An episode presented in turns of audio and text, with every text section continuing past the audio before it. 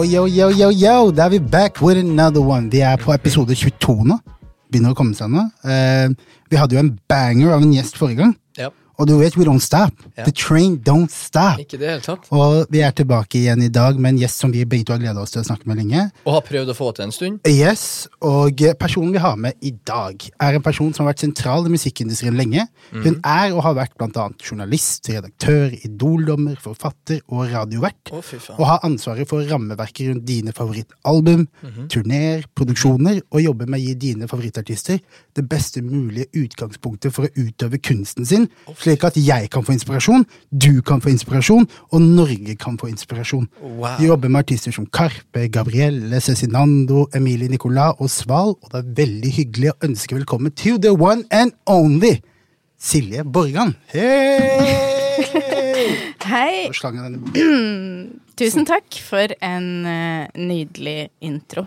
Bare Den hyggelig, må jeg sende til mamma og pappa. Definitivt. Definitivt. Det er jo da man skjønner hvor mye hun har gjort. Ja, det var bare. Jeg gikk, Det er jeg som skulle prøve å gå gjennom det her. Det er ekstremt mye. Det er, og um, så Jeg så en video på YouTube her om dagen fra en sånn type life coach som snakka om the 2024 person, som skulle være da multifaceted, kan gjøre forskjellige ting, mindre frykt, mindre de her tingene her. Og det er jo på en måte det, en perfekt forklaring av den personen du er, og du var vel det i en tid Altså uten at jeg vet det, da, men du var jo det i en tid hvor det ikke skulle være sånn. Hvor man skulle ha tilspissa på én ting, så gjorde du da mange ting. Uh, take us back til den starten da fra liksom, når du begynte å oppdage For slik jeg forsto det, så har du jobba Altså du kom inn i musikkindustrien litt sånn randomly, egentlig. Eh, litt random, ja. Ja, Fortell litt om den, hvordan det skjedde. Um, jeg eh, har alltid vært veldig opptatt av musikk. eh, og en, har en eh, Ingen foreldre som jobber med musikk, men et uh, musikkrikt hjem. Um, og jeg hadde lyst til å bli em, eh, journalist, egentlig. Så planen min etter videregående var å studere journalistikk, eh, og det gjorde jeg. Eh, og så ble jeg da etter hvert Jeg jobba flere steder som journalist. Ble etter hvert redaktør i Spirit, Uff. som var det kuleste bladet jeg visste om Yes. at the time. Det var da folk Eh, leser blader ja. også, for så vidt. Ja, og blader var gratis på, i kantina på videregående, på en måte. Stemmer det. Um, og så gjennom det, egentlig, så fatta jeg større interesse for uh, alt som var musikkjournalistikk, da. Uh, Syns ikke det var så gøy å anmelde, selv om jeg har gjort det òg. Men det å på en måte ja, liksom grave litt i alt som ligger bak, eh, enten det er album, eller hvordan det er å jobbe som artist, eller med artister, eller Ja, jeg ble veldig sånn eh, Litt sånn eh, nerdete på det. Eh, og det var vel Det var gjennom journalistikken at jeg ble kjent med folk i Eller aktører i musikkbransjen, som etter hvert gjorde at jeg fikk en sånn liten beskjed om at det var en ledig jobb i et plateselskap, da. Ja, hvil, Hvilke plateselskap? Det var EMI eh, Music Norway, Rest in Peace. Mm, som nå er Warner? Eller som er i Warner? Eh, korrekt. Ok, kult. Og, hva- og øh, husker jeg riktig, så ble du ansatt som produktsjef? Ja. Ok, hva vil det si? Hva gjør en produktsjef? ja, det lurte jeg også på da. Det er på en måte noen Altså, enkleste måten å beskrive det på er en prosjektleder. Ja. At eh, hver utgivelse er et prosjekt, eh, og det prosjektet trenger noen som på en måte passer på alle delene av det prosjektet. Um, og det er både budsjetter og tidslinjer og kontakt med artist og management og det er på en måte, Hvis du ser for deg at A&R er de som er på fabrikken og lager produktet, så når det er ferdig, så sender de det videre til produktsjefen eller prosjektlederen. Og så skal produkt da jobbe sammen med promo, eh, for eksempel, og digital marketing og sånn, for å selge det. Ok, såpass, ja. Og, men var dette her uh, Var det likhetstegn mellom den stillingen du hadde som produktsjef i EMI, og den stillingen du hadde som redaktør for Spirit? Var det noe, brukte du samme skillsa, på en måte? Mm, altså, jeg bruker jo det huet mitt, da. Ja, det er Eh, som eh, på en måte er ganske sånn trent, i hvert fall nå, på å holde i veldig mange ting samtidig. Eh, og det å på en måte koordinere og prøve å spille sjakk Spille litt fortere enn de rundt deg, liksom. Sånn ok, eh, hvis vi gjør dette nå, så prøve å se konsekvenser. Eh, være god på å informere alle involverte. Liksom være den som holder i trådene og sørge for at vi trekker i samme retning, da. Eh, så sånn sett var jo det å koordinere et magasin i måneden som hadde en deadline med sånn 14 anmeldere, masse journalister, masse fotografer og designere, er jo på en måte litt det samme, bare at da var produktet et magasin. Så når jeg etter hvert skjønte at det var det som var jobben min, så ble det jo veldig Ble jeg ganske god, da. Hadde du noen artister som vi kanskje Mm. Ja, for Dere kjenner til Nico Vince. Ja, Ja, Jeg jobba jo med den gøye Am I Wrong-suksessen. Oh, Ja, for hva var det der hva, Nå, dette her stemmer det her. Var den låta ut først, og så lagt ut på nytt igjen? Funka ikke Nei. først? Nei. Det er bare Den funka fra første stund. Den gjorde det. Men uh, vi måtte bytte navn fra Envy til Ja, Nico. Vince. Ja. eh, fordi det er sånn metal-band eller noe som heter Envy. Eller det var i hvert fall noen grunner til at det internasjonalt ikke kunne hete det. Så DJ Envy, kanskje? Ja. Five Star Movement-T-skjorta husker jeg bare. jeg, Hva heter det? Hva Ja. heter? Heter ikke noe sånt? Jo, Five Jo, jo, Star. jo, jo. HV-festivalen 20 something something. ja, Det var også. Shout-out til hele den gjengen. Det var Ja. veldig gøy. Mm, men eh, nei, den slapp vi, slapp vi som singel. Og så tok den jo av i Norden. Mm. Begynte å jobbe den utover og utover, og så ja, fikk vi liksom Warner i USA på laget etter hvert, og da ble det Billboard, da. Ja, var, for den var jo oppe i topp ti. Den var, jeg tror det var åtte. Det er så sjukt, det. Åtte på Billboard? Ja. Å, fy Det er da. så sjukt. Hvordan var stemningen på kontoret når dere så det, liksom? Den var Den var veldig god, og dette er jo først og fremst fortjenesten til eh, til Nico Vince og Amanuel, som jobba veldig hardt, og som hadde et utro... Eller sånn, de sa jo det fra første stund. Mens vi i Majors er sånn Ja, nei, men du vet det er vanskelig, og Ja, men det er jo det. Man blir litt vant til å liksom holde forhåpningene litt nede. Ja. Eh, men de eh, Altså, de putta så mye både eh, penger og energi inn i det prosjektet der, som spredde seg og gjorde det lettere for oss å på en måte ha like hårete mål som dem, da. Mm. Det var veldig god stemning. Men det var også midt i den Hvis jeg ikke husker feil, så var dette midt i den mergen. Så når noen fikk sparken, og noen Ja. fikk Eller det var en Ja, ja. sånn kaos eh, sommer, da. Selvfølgelig.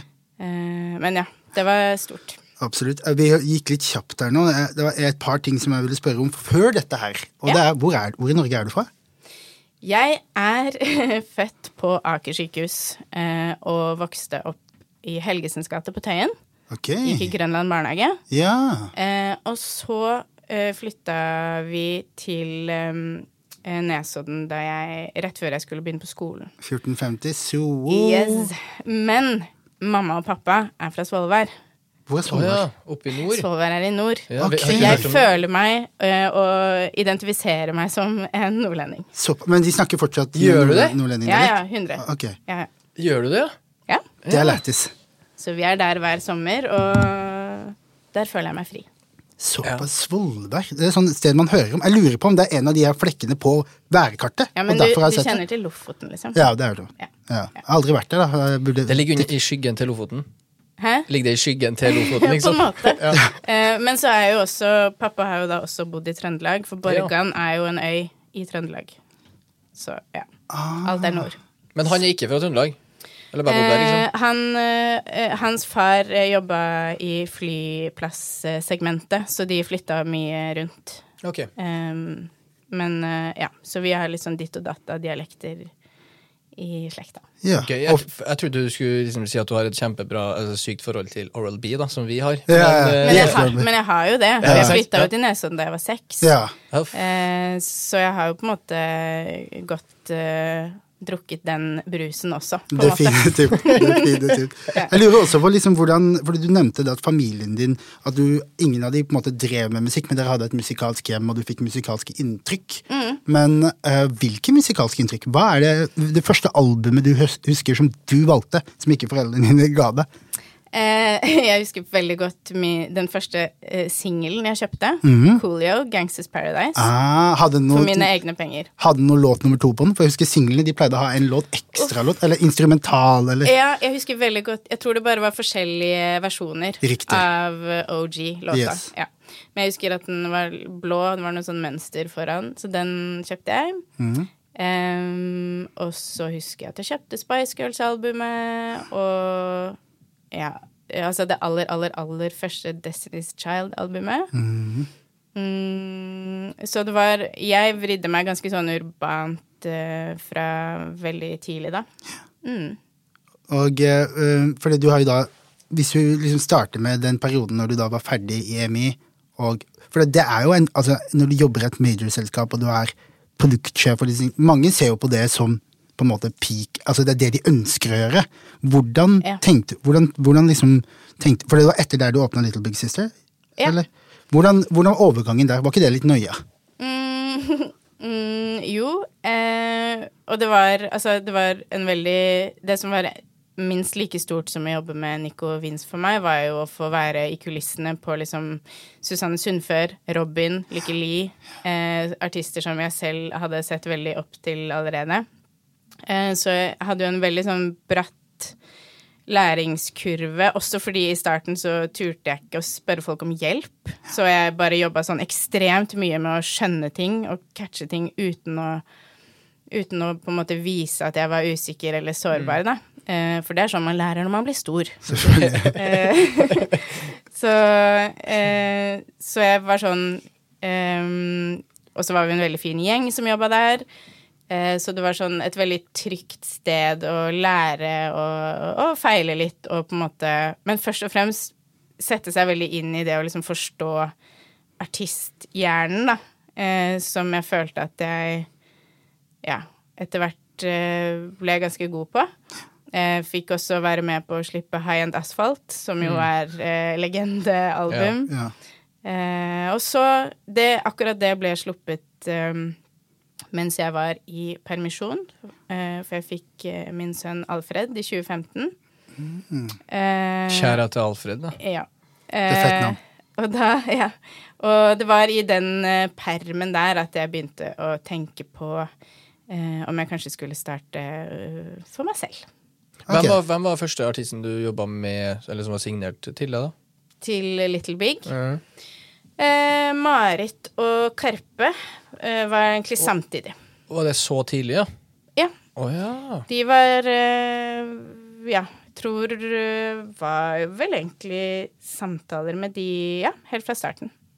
Men var, du, hadde du, var de signa i EMI når du Altså, hvordan kom du i kontakt? Liksom, hvordan Marit eh, hadde vært på, ja, på mitt selskap, så vi hadde blitt kjent der. Og hennes eh, kontrakt skulle Hun hadde jo en sånn kjempelang eh, kontrakt som ja, gikk helt tilbake til hennes barndom, nesten. Eller post M2M. Vet Ja. Jo, selvfølgelig. Ja. Men um, Så hun hadde da på en måte innfridd sin kontrakt med eh, EMI, som da ble Warner, eh, samtidig som jeg på en måte gikk ut. Så hun var klar for å jobbe med ny partner da jeg begynte.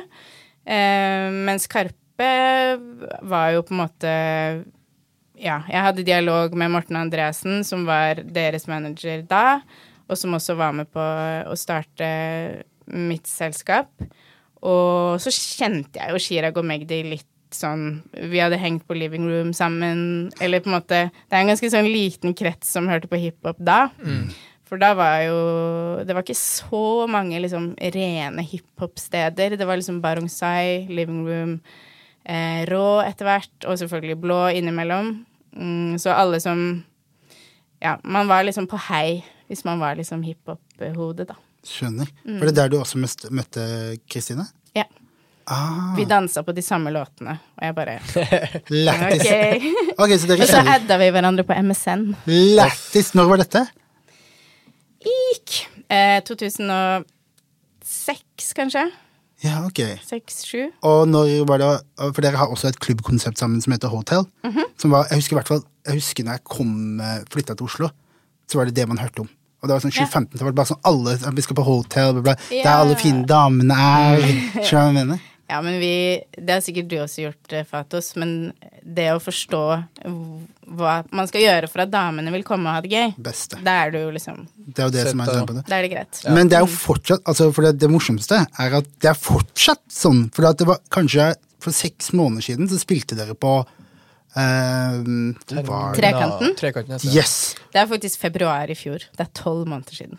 Damn! Jeg tipper sånn seks måneder siden, det. Ja. Var det sisten Nei, var det s- Ja. Å ja. men, det er dessverre så lenge siden. Vi hadde én gig i Bergen i juni, men ja. Da, da hadde vi en slags reunion-ting, og da solgte vi sånn 500 billetter på forhånd. Folk ringte meg. Crazy. Jeg sverger. Det var, det, var, det, var, det var folk som ringte meg. Altså Det var en, en eh, dame da som jeg prata med litt for en stund siden, som sendte meg en melding og sa at hun så at jeg var venn med Kristine Danke på i Insta, og lurte på om jeg kunne spørre henne om hun kunne fikse tickets. Venn på Insta. Ja, så mye! Så mye var det. Kos. Det er jo helt Ja, det er jo helt Ja, så det er gøy, da. Ja, men det var um, Det var en eller annen fase i 2009, tror jeg, hvor vi var litt sånn Begge hadde akkurat blitt single, eller vi hadde, det var et eller annet som var litt sånn her Ok, nå, nå gjør vi det, liksom. Nå har vi snakka om at vi burde styre musikken alle de stedene vi er. Nå gjør vi det. Så da lånte vi platespillere og kjøpte oss Serato og eh, ja, begynte å øve, da. Ja, dere spilte med actual plater? Eh, vi spilte med sånn eh, Du vet sånn scratch live, altså at du har en Du bytter ikke vinyl, men det er en vinyl som Ja, det- er knytta sånn, ja. ja. Ja. Altså, ja, uten å Ja, for folk gjør ikke det nå lenger. Er det, eller Nå er det spiller fortsatt, men Mange det som men, gjør det, men nå bruker vi kun Altså nå har jeg bytta til USB, da. Ja. Eh, Men spilte på Serato helt frem til Trekanten i fjor. Ja, jeg føler at DJ-en før var det liksom kom med den svære kassa, sånn, sett den Ja, ja. ned, og så, og så Ja, men- nå er det basically liksom Broren min DJ på iPaden. Ja. ja. Hvorfor spiller du git? Du la sånn gitartegn? Sånn her. Spiller Ja. Så det er jo men, nei, men vi Ja. Nei, og vi var jo aldri um, Vi var jo aldri uh, vinyl-DJ-jenter. det var vi ikke. Eh, og det fikk vi også høre litt. Absolutt. Ja, ja, typisk. Det er jo folk som ikke får det til sjøl. I hvert fall før, før når det var Ja, liksom men Ja, og- og så, og så var det litt sånn Jeg vet ikke I 2009, sånn som jeg husker det, så var det på en måte det var et eller annet litt sånn suspekt med to jenter som bare ville gjøre den tingen plutselig. Hvorfor det, liksom? Eh, som, om, som om det lå en eller annen skjult agenda bak det, som var noe annet enn musikkleder Ja, for det må det jo være, selvfølgelig. Ja, litt sånn derre Å ja, dere tror at det, Ok, så ja, ja. ja, ja. Mens eh, Men vi eh, Ja, det var så gøy. Men Spilte dere hiphop på den tiden? der? Ja. Okay. Nesten utelukkende. Ja. ja. har litt mer eh, diverse eh, liksom eh, spilleliste enn meg ofte, fordi hun eh, ja, hun er så flink til å Hun følger mye mer med enn meg, så jeg kan bli stuck i de gode gamle tingene. Mens hun er mer sånn Det har kommet noe som heter dubstep nå, og det er sånn, Ja, sånn, og ja, ja. ja. Hun er mye mer eh, på Og så er hun der ute, ja. Ja. Jeg hører på poden hennes, og det, Ja, ja. Jeg, noen ganger spiller jeg sånn Altså, hun har kompetanse på liksom der og der, Ja, ja. som er jævlig For jeg også, jeg, i hvert fall jeg da har ganske sånn snever musikksmak. Jeg føler jeg har høy kompetanse på det. Mm. Men det er sånn, hun kan liksom snakke om liksom rap-rap, og så kan hun snakke om noe sånn weird og greier etterpå som jeg aldri har hørt om. Hun Mm. kan alt, liksom. Hun har Ja, hun har Altså, hun kan så mye, og Mm. hun kan musikk så utrolig godt. Ja. Eh, og er bare sånn Ja. Hva er det du setter, hva setter dere på hvis dere Altså, du skal liksom få crowden til å gå crazy? Hva satser du på? Nå? Ja, nå, ja. Nei, noe Jay Huss, eller Ja, Altså, jeg, jeg koser meg veldig fremdeles i liksom Hiphop er liksom alltid grunnmuren. Mye norsk rap, Mm. mye gangsterrap. Eh, liksom bare kose meg med Nikki og Mm. 36 Mafia, eller bare sånn mye sånn mye mer afroting nå Ja. også enn det var. ja. Eh, Det er ikke en låt som skiller seg ut fra liksom no, Sånn som nå, for eksempel, vet jeg, jeg spiller Tyla da, med Water No så vet jeg at folk klikker jo, ikke sant? Ja, Fordi alle vil gjøre den der dansen. Jeg, jeg, jeg er litt ute av trening fordi jeg, jeg spilte jo der for et år siden på Trekanten, Ja, ja, og det var wild. Um, men, um, men nei, det må jeg tenke. Ikke historisk sett heller. Så har du ikke hatt noen sånn der en låt Ikke en go to-låt. Nei. Men jeg er veldig sånn Jeg har aldri en plan. Altså, Nei, jeg, det- har, jeg nei, har et ja. område på en måte hvor jeg har lagt sånn her jeg, jeg skal være litt her i dag. Mm, Men jeg har aldri en sånn Så det er veldig sånn leserom fortløpende, da. Det tror jeg er beste måten å gjøre det på også. Ja. Jeg gjør det samme. Jeg så i en avis at du, de spurte om kallenavnene dine, eller nettavis, da, og da sto det at du, et av kallenavnene dine var Syl, S-Y-L. Hva betyr det? Hva er det, står det? Han spurte, han, journalisten spurte ikke hva det, hva det betyr engang. Nei. Um, nei, det er ehm, Min mor er Mette Yvonne Larsen. Eh, og hun eh, kalles for Myhl. Hun har jo et advokatfirma som er liksom Myhl og co. Ah, Eh, så det er egentlig bare det at det har blitt en sånn familieting at jeg på en måte også er litt henne, og dermed heter Syl, da, som er Silje Yvonne Larsen. Så det, er, eh, det kommer fra familien. Okay, ja, har søsteren din også advokat, eller har jeg Ja, så dere, begge. Ja. Har det, har det inn, for det, Du er jo ikke advokat, men du jobber jo med mye businessrelaterte ting og mye tall og kontrakter og underskrifter. Ja.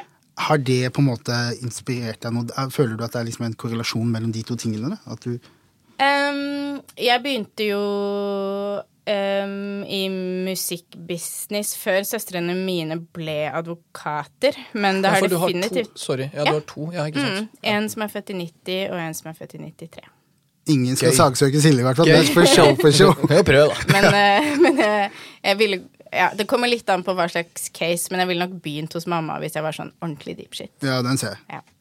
Eh, men eh, Nei, altså, vi diskuterer Ofte på våre familiemiddager så er det mer sånn at mamma og de to advokatsøstrene mine diskuterer sånne veldig lærde ting, liksom. Mens jeg og pappa er litt mer sånn på siden. Litt sånn Jeg har hørt eh, Ed Sheeran har sluppet ny eh, Ja, eh, skal, skal vi dra på Sunnfør i Spektrum, eller hva tenker du? Eller at vi liksom har en mer sånn musikkhjørne, da. Jeg skjønner. Men søsteren din og moren din hører også på musikk, eller? Definitivt. Ja. Um, vi er um, Vi drar mye på konserter i fellesskap. Gøy. Og vi kjøper alltid konsertbilletter til alle. Ja, Så det er veldig sånn det er Ja. gøy. Mm. Det er en fet ting å gjøre. Jeg skulle ønske at familien min gjorde det mer. Altså. Og Hedda er jo også low-key DJ. Fett. Mm. Dope. En ting som eh, vi kan, For nå kommer vi jo til Little Big Sister, du skapte det. Uh, men så, hvordan var det de første årene? For eh, nå er det jo Nå er det jo Størst. det Real Madrid av, i, Ja. av eh, Ja, det er jo det. musikk. Men, hvor, men i starten, du har Marit, du har Mm. Karpe. Karpe er nå ferdig med Montebello, eller på vei inn Nei. i Montebello? 2017, det tror jeg. Noe sånt. Okay. Um, altså, da vi begynte å snakke sammen i 2015, og jeg hadde en liten baby, så var det egentlig at de skulle lande sitt neste team. Da hadde de hatt eh, distro på Sony og jobba med petroleum. Eh, og så PR og litt forskjellig. Og så skulle de liksom lage en rigg for det neste, da, som de ikke visste hva het at the time, tror jeg. Men det var det som skulle bli Heisan Montebello. ok. Um, så min første Altså jeg og Trine, da, som jobba i LBS fra dag én eh, Vi Altså vår første utgivelse gjennom LBS var jo uh, trippelsingelen Lett å være rebell i kjellerleiligheten din, Au pair og Hvite menn som pusher 50. For det var 6. Grei desember 2015. Oh, shit. Ok, så det var Så ting gikk egentlig Det var rett på. Ja, det var Ja. rett på. Vi begynte Min første arbeidsdag etter perm var eh, 2. oktober 2015, og så kom denne ut da i desember. Så vi brukte veldig mye tid på eh, og bare planlegge de neste tre årene, egentlig. Eh, som jo skulle ende med eh, tre ganger Spektrum eh, og en film, da, til Ja. slutt. Så det var veldig sånn rett inn, mens Marit jobba med å spille inn nytt materiale som skulle komme ut våren 2016. Så det var på en måte bare sånn Det er bare masse jobbing og gjøring, liksom, fra dag én. Absolutt. Og ikke så veldig mye rom eller tid til sånn refleksjon, sånn Hvordan går dette, eller hvor er vi nå? Det var bare liksom gønning. Ja, for det, var, det prosjektet der er jo jeg, jeg føler det er det som markerte endringen i Karpe. Og ikke, både temati, ikke bare tematisk, men også den derre intense på en måte sånn produktplasseringen deres med disse her grisene grisene, ja. og alle disse greiene. Det var liksom en, en det var, man, Du vet når jeg går tilbake og hører på det albumet, så tapper jeg inn til den samme energien igjen. På grunn av alle disse forskjellige Det føltes veldig ting. massivt, ja. Ekstremt. Og, eh, men hvordan kom dere fram til For det, Hva var det som var før Reisa Montebello? Det var Korsbalsen. på halsen. Kors på halsen, som også var et ganske stort prosjekt, med de Ja. ullgenserne og sånn. Ja. Ja. Men hvordan, hvordan attacka dere det? da? Hvordan på en måte kom dere fram til at dere skulle lage en film? Hvordan starter man å lage en film? Altså, eh, sånn som det ofte Eller hovedsakelig er med de artistene som jeg jobber med, er jo at dette bor i dem, da. Eh, og, og, og, og de på en måte har en visjon, og så vet de kanskje ikke helt hvordan man kommer seg dit, for det er litt min og vår jobb å, å fasilitere og hjelpe til med, men at de har en veldig sånn tydelig plan inni seg. Og med Heisan Montebello så var det Vi har lagd x antall låter eh, som beveger seg innenfor disse temaene. Og vi har lyst til at hver låt skal eh, behandles som et album. Eh, og hver låt skal ha sitt eget visuelle univers. Eh, og hver låt skal, som, som Magdi sa, hver låt skal på en måte få sjansen til høyere utdanning. Eh, ingen av de skal slutte på videregående, på en måte. Wow, that's hard. Eh, og, og når han sier det, så betyr det at her skal hver låt være, føles som en event, en happening. Det betyr jo også at uh, hver låt og hver video skulle være ganske påkosta. Ja. Eh, for hver Vet ikke om du husker liksom det musikkvideouniverset, men det var jo forskjellige regissører på alle videoene, og det var sånn masse karakterer, veldig Altså mye fiksjon. eh, veldig glossy, veldig sånn Sterkt. Nesten litt sånn Hollywood-vibe over det. Det det. Uh, men veldig sånn Dette er au pair. Dette Ja, er ja. rebell. Dette er uh, Ja, og så videre. Gunerius. Sykt stor forskjell fra å jobbe Altså sånn i, fra, jobb, i, fra labels til det her, da, fordi du bare driter i noe høyere utdanning. Vi sitter, ikke, vi sitter ikke og stresser med å regne det hjem, liksom. Nei, nei, nei. Eh, hvor det er litt sånn derre Hvor de dyre musikkvideoene koster 80K, liksom, så er det litt mer sånn Ja, jeg skal ikke gå inn på hva noe kosta på Heisan Montebello, men, um, men ja, en massiv investering som de også fikk veldig mye igjen for, da. Men eh, ja, tilbake til spørsmålet ditt. Måten vi gikk frem på, var jo egentlig bare å prate veldig mye. Snakke med Chirag Magdi, hva er det som er viktig her? Snakke med regissører. Eh, de jobba jo da med Thea Wistendal på den videoen. Nei, den eh, kinofilmen. Adjø Montebello. Så det er jo et slags eh, Grunnideen kommer fra dem, og så utvikler den seg videre ved at man møter liksom andre kreative sjeler som man eh, kaster ball videre med, da. Det er veldig interessant. Eh, Det du snakket om i stad, med at alle hadde sitt eget liv og sine egne videoer og universer, det er jævlig interessant, faktisk. Fordi at jeg har sett en del av de her Reacts-videoene på YLTV, og da er det ofte at den videoen de går tilbake til, og de skjønner det med en gang. Ja. Amerikanere, franskmenn. Hvilken av de da? Husker Rebell, du det? rebell. Rebell, ja. Med de øynene og sånn. Med de sant? Ja. linsene. Folk skjønner det. Du, de, Du de, snakker om han eh, alle, alle som har sett den, er sånn derre De står og viber til Ja. den svenske Mm. triple-murderen, og så, Ja. etter der igjen, så er det bare For du Karpa, så bare stopper de, og så er- de midt i det, og det, liksom, Ja. du, du merker at de skjønner tematikken. Ja, selv om og da må vi også nevne Kavar Singh, som jo Ja. er en legendarisk eh, bildeskaper. Definitivt. Og det er han som også har gjort eh, mye av det siste de gjorde. Det siste prosjektet, er Ja. ikke det? Jeg så det. Eh, den eh, Ja, definitivt. Altså den loopen til Omar Sharif. Ja, Ja. stemmer. Og så gjorde de, og, Var ikke de de som også gjorde uh, Kawa Singh gjorde vel også Am I Wrong-videoen? Eh, ja, Back in stemmer. the days. Ja. Det Både fett. den og andre Den neste som kom etter det, var Kavar Singh. ja. Sinnssykt. Det er Mm. at, de, at de har funnet den der flowen, og at eh, de lager så dope musikk sammen. Ja.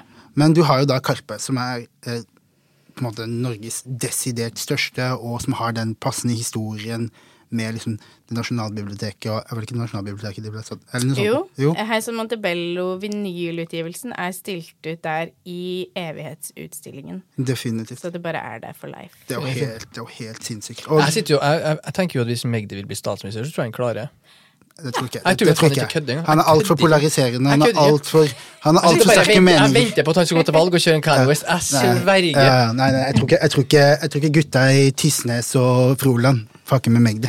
Selv om kanskje folk her hadde gjort det. For jeg tror han hadde hatt ganske sånn Han har blitt det Ja, nye, nei, moderne Arbeiderpartiet, tror jeg. ja. Akkurat nå så er det jo ikke um, det er jo ikke, det er ikke sånn at det alltid er en hoppe etter Wirkola-situasjon, i hvert fall. Nei, Um, det er sånn. her til lands. Nei, Så- det Det er akkurat det. Er det ikke. Og eh, hvordan føler du at, at Egentlig bare for å spille på det igjen, da. Hvordan føler du at eh, staten og regjeringen og sånne ting har bidratt Det høres ut til som et konspirasjonsteori. Nei, nei, nei. nei. Ja, men nå, de, nå øker pulsen min. ja, for det er jo, det er jo den, det er den største med musikalske acten i Norge. I tillegg til det så har de en enorm påvirkning på ungdommer og på, på en måte tanken om integrering og innvandring og alle disse tingene her.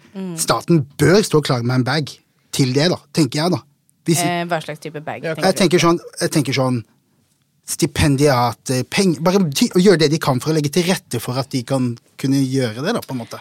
Ja, det er artig at du sier det, fordi altså eh, Norge elsker Karpe. Virkelig. Og, og jeg som sitter eh, i karpe at inbox.no, på en måte, fra, fra Norge, så, så er det på en måte Det er ingen tvil Og det fins ikke en Karpe-fan som ikke har tenkt på å be om videohilsen til kona si i bryllupet, eller på dåpen, eller på konfirmasjonen, eller på bursdagen. Og Karpe sine tekster trykkes altså i så masse norske lærebøker. Eh, er så mye pensum. Eh, og det er og, og det mangler ikke på syke tilbud både når det kommer fra media, brands Altså, Norge er all over Karpe. Eh, men når det kommer til på en måte støtte, eller eh, hvis du tenker på økonomi, da, Ja. så er det ikke så lett å være så stor. Det var det jeg skulle Nei. si. Eh, for, også, også fordi vi er ehm, Vi er jo alltid i en sånn situasjon hvor hvis du skal sende inn en skikkelig detaljert eh, søknad til Kulturrådet, så risikerer du alltid at VG outer hva du har skrevet. Ja, det det jeg. Det digger jo ikke vi, fordi Nei, vi liker å lage veldig spenning, liksom. Selvfølgelig. Eh, vi vil ikke at det skal stå plutselig hva som er vår treårsplan i VG. Det er én ting. Mm. Eh, og så er det vel også kanskje litt det med å ikke se så veldig støttetrengende ut, da. Ja. Eh, vi søkte jo støtte hos Music Norway til den europaturneen, og det Det var også VG-artikkel. Ja, mm. og da fikk vi jo sånn Jeg husker ikke. Eh, 50 000 eller noe. Eller, ikke sant? Men, men, og dette handler ikke Det er ikke shade til Music Norway, egentlig. Det er mer sånn Vi har ikke ordninger som kan gjøre en stor forskjell på det stedet vi er akkurat nå, da. Ja, vi har jo ikke sånne artister, det er jo det som er greia. Vi har jo Det er ikke, kanskje det. Ja, det er umulig å liksom Man må virkelig skreddersy noe for å kunne passe Karpe uansett, fordi Ja. at de er Special. ja, Og med så fem- 5000 så betaler du strømregninga Ja, Skien. i Skien, ja. Skien er solgt nå, er det ikke?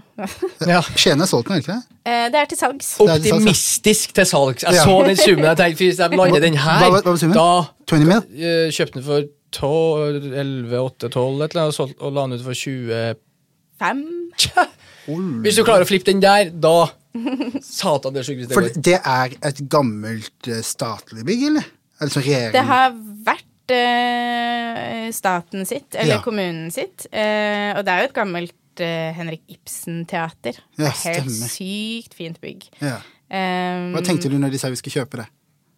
Nei, jeg var med på visning, jeg. Så, altså. Men var det, men nå, nå som eh, vi er på en måte ferdig med det løpet, så var det tilfeldig at det var Skien? Eh, det var tilfeldig at det var Skien, ja. Ok, For jeg venta på at det skulle være en greie, sier at det er grunnen til at det var i Skien.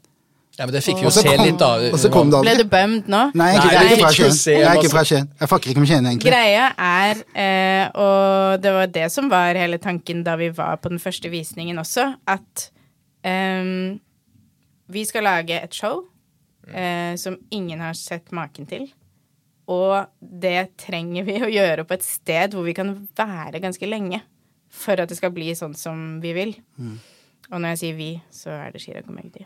Eh, og eh, derfor kunne det ikke liksom Det kunne ikke være at vi leide Rockefeller et halvt år, eller det kunne ikke være Det kunne ikke være på noen annen måte, rett og slett. Eh, så da vi oppdaga det bygget, Magdi, på Finn, så dro vi dit. Så det geografiske er tilfeldig. Ja, Eh, Men i- i- men Skien har tatt imot gjengen veldig godt. Det kan jeg se for meg. Hei til Skien. Ja. Det har vært veldig gøy å være der masse. Så bra. så Mm. bra. Og eh, du nevner jo du nevner det at liksom For du er jo da gjør alle disse tingene, og så er det én av verktøyene dine. Så du har da fem-seks andre, og alle de andre også gigantiske. Hvordan, Hvor mange er ansatte i Little Big Sister, egentlig? Uh, vi er uh, tre. Dere er tre? Ja. Okay. Silje, Trine og Marte. Ok, og uh, hvordan går det når du brenner på dass, når det blir skikkelig, liksom, og det er mange? Um, nei, altså Det som er Som kanskje kan forklare den biten litt, er jo at uh, for eksempel i Karpe så er det jo litt avhengig av hva vi gjør, og hvilken fase vi er i, så er vi jo store team. Um, men det betyr ikke at, at vi må liksom ansette masse flere i, i LBS, for vi driver med én del av dette, som er management og uh, PR, egentlig. Altså media, promo og sånne ting når vi gjør utgivelser, eller skal være aktuelle. Eh, mens live og um, altså dette som Mike og Agri og Even Susegg og Sebastian Ekeberg, Thomas Kongshavn, alle som er eh, Karpe, jeg jobber jo ikke hos meg, men jeg og vi koordinerer hele teamet, da. Og sånn er det jo i alle actsene, da. Eh, at alle har liksom sin sin fotograf, sin designer, sin, sin label kanskje, eh, sin bookingagent. At man er veldig mange, mens hos oss så jobber vi tre, da. Ok. Eh, så, men det er, eh, det er komplisert, og hvis det liksom Hvis det brenner på dass hos tre artister samtidig, så må vi jo hente inn hjelp, på en måte. Men eh, Så det er et alternativ, det å hente inn hvis du skjønner, på en? Absolutt, men vi er jo Og det prøver jeg å forklare i, i liksom I høytidene, når man treffer familie som igjen lurer på hva er det du egentlig gjør. Alt. Eh, så er det sånn Ja, men er du på vei nå? Må du være på turné? Og er du der? Og svaret er litt sånn Hvis situasjonen krever det, ja. Men for eksempel Karpe er jo et utrolig velsmurt livemaskineri. Eh, de kommer seg på scenen, og alt går kjempebra uansett om jeg er til stede eller ikke.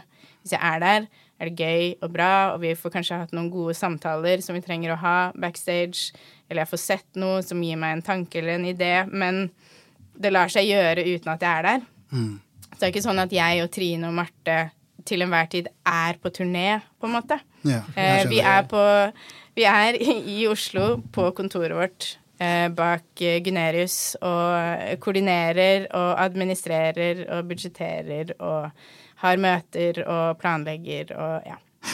Fett. Ser dere på nye spennende X da, som dere syns er Det var akkurat det jeg skulle spørre. Jeg bare tenker sånn, er det noen dere Eh, ja. Ja. Gjør, gjør jo alltid det. Fordi, både fordi jeg elsker å holde meg oppdatert og, og følge med og tenke sånn Hvor er vi om fem år og om Mm. ti år og sånn.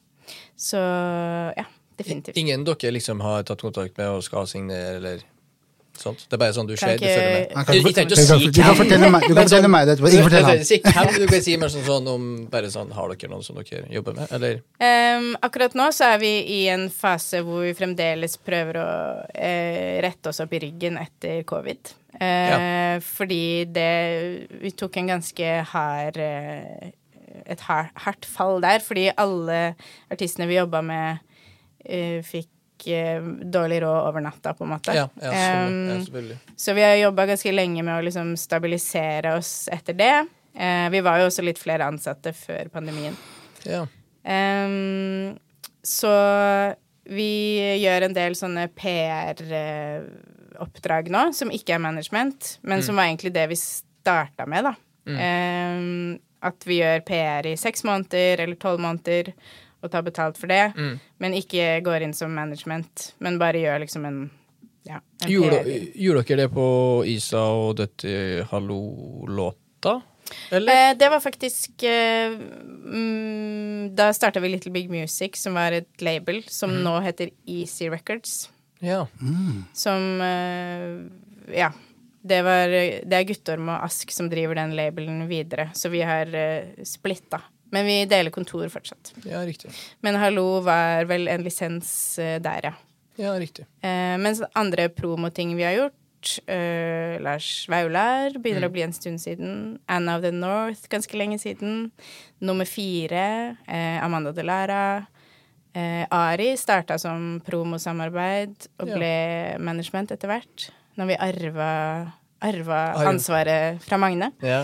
Um, ja. Så vi driver og liksom prøver å se på både litt nye inntektskilder, men også sånn hvordan vi kan jobbe best, da.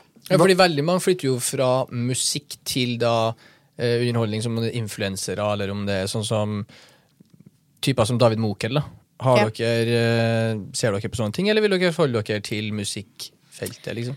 Ehm, vi har jo de samtalene litt sånn fortløpende, og vi har Det banker ganske mange Altså på vår dør så banker det hovedsakelig artister.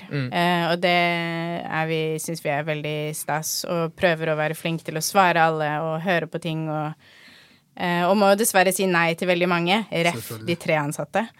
Eh, mens drømmen min hadde jo vært å bare ha typ fem ansatte til, sånn at man kan uh, faktisk også for at kvinneandelen på headliner-nivå skal bli bedre i Norge, så trenger vi at noen jobber med kvinnelige artister som er på et sånt knekkpunkt hvor det er sånn enten jobbe med noe annet eller gønne. Akkurat i den sårbare fasen hvor du liksom tenker sånn OK, nå trenger jeg at noen satser på meg, eller på en måte gir meg noen råd, eller gir meg litt cash, eller gjør en eller annen Og der, det er mange som befinner seg der nå, men timene mine strekker ikke til, da. Men jeg prøver.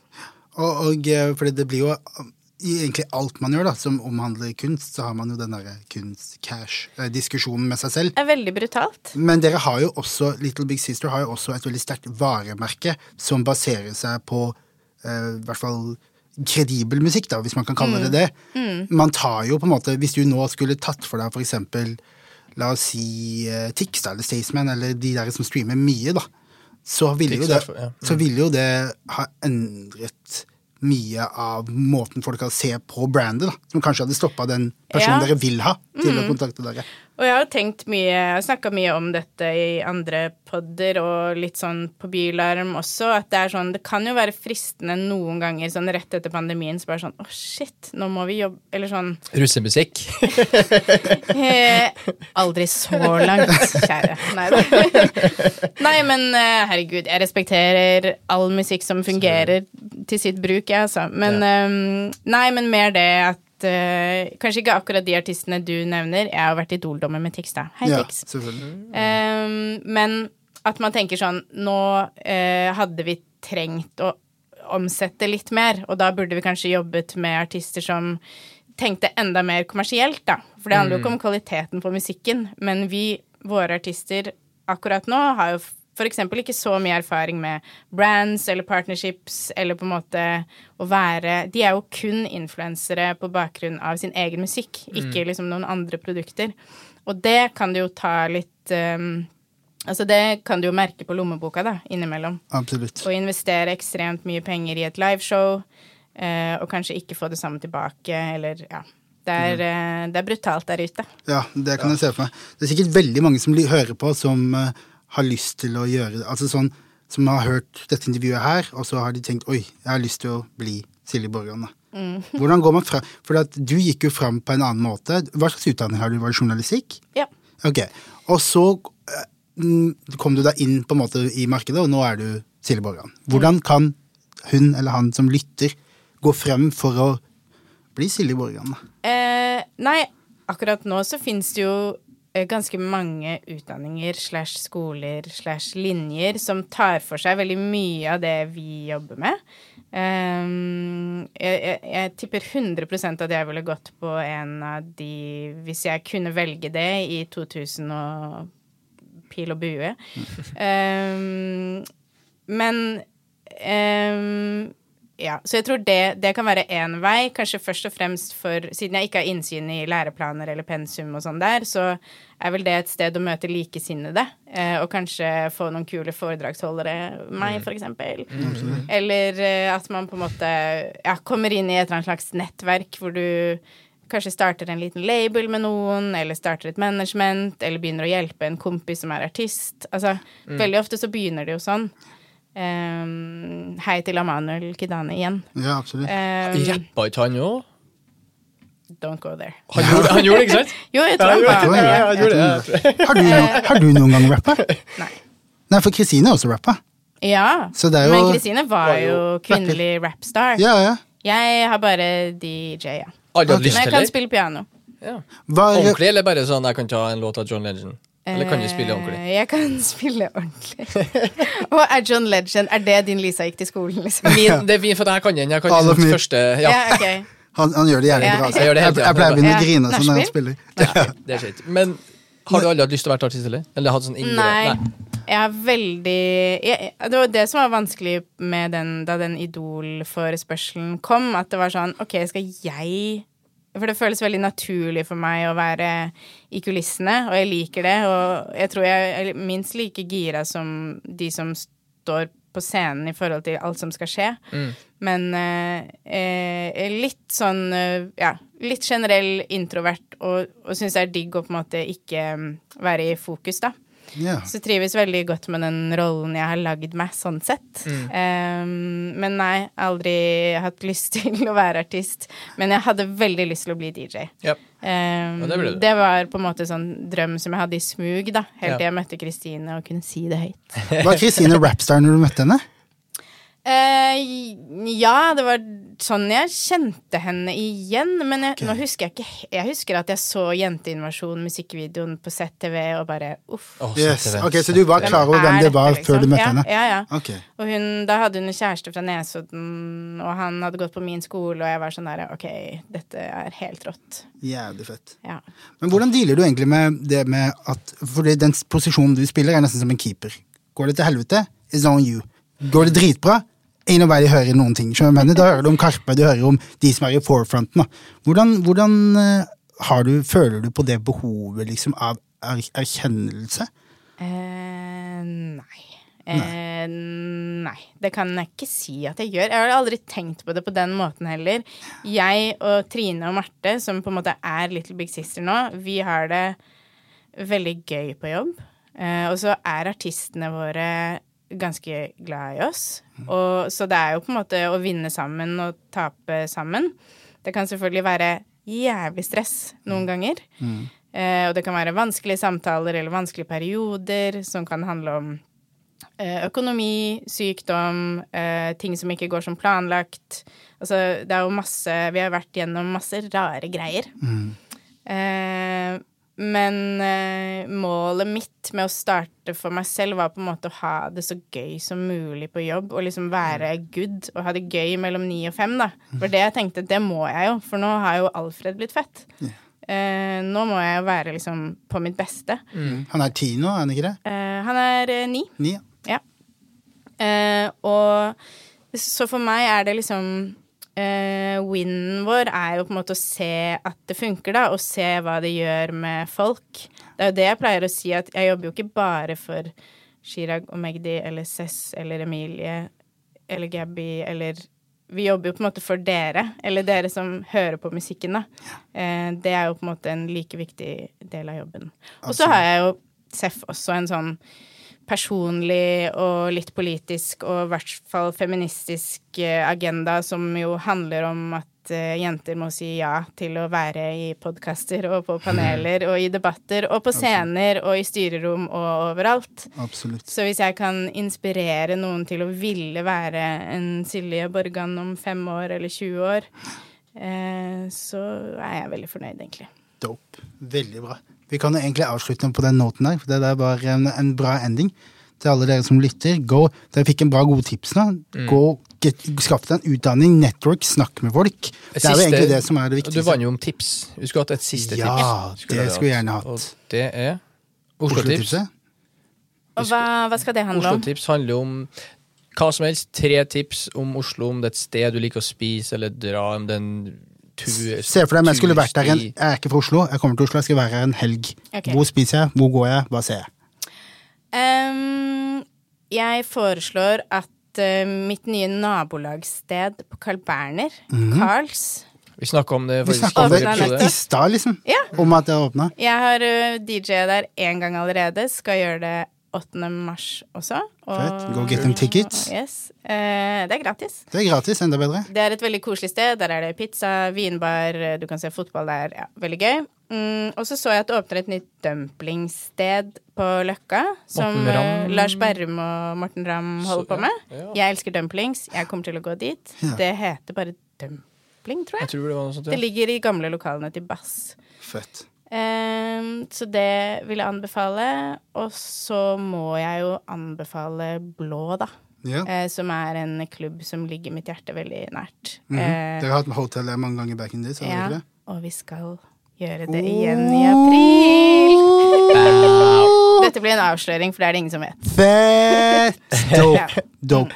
Going back, to the, going back to the roots. Yes. Jævlig heftig. Jeg føler Blå Det er egentlig bra at de, at de har begynt å hente inn og gå tilbake til den viben der, for det Blå Jeg har blitt litt det, weird. ja, jeg savna det anlegget, Ja. liksom. Og den følelsen av fullt blå. Det er Ja. ingenting som slår det. Ja, jeg Så vi måtte tilbake. Dritbra. Setter det på liste. Veldig dope. Oi. Hørte dere det, eller, folkens? kan du si det til hun dama som prøvde forrige gangen? Fett. Jeg gleder meg. Dope. Okay. Dope. Listeplass. Fantastisk episode. Jeg har kost meg masse. Vi har, mm, vi har gått gjennom en whole lot of shit. Jeg har masse spørsmål igjen. Vi får eh, forhåpentligvis gjøre en annen runde en annen gang. Silje Borgan, tusen hjertelig takk for at du kom. Takk for meg. And we out! Du har hørt en podkast fra Vårt Oslo. Hør flere podkaster på vartoslo.no podkast. Hvordan er det egentlig å selge sex? Hva er fordelene og ulempene ved sexsalget? Hvem er det egentlig som kan representere sexarbeidere? Og hvorfor er sexarbeid egentlig så provoserende? Vi er to menn som begge har erfaring med sexarbeid, og i podkasten Menn som selger sex vil vi snakke om nettopp dette. Hør første episode tirsdag 9. januar, der du hører på podkasten.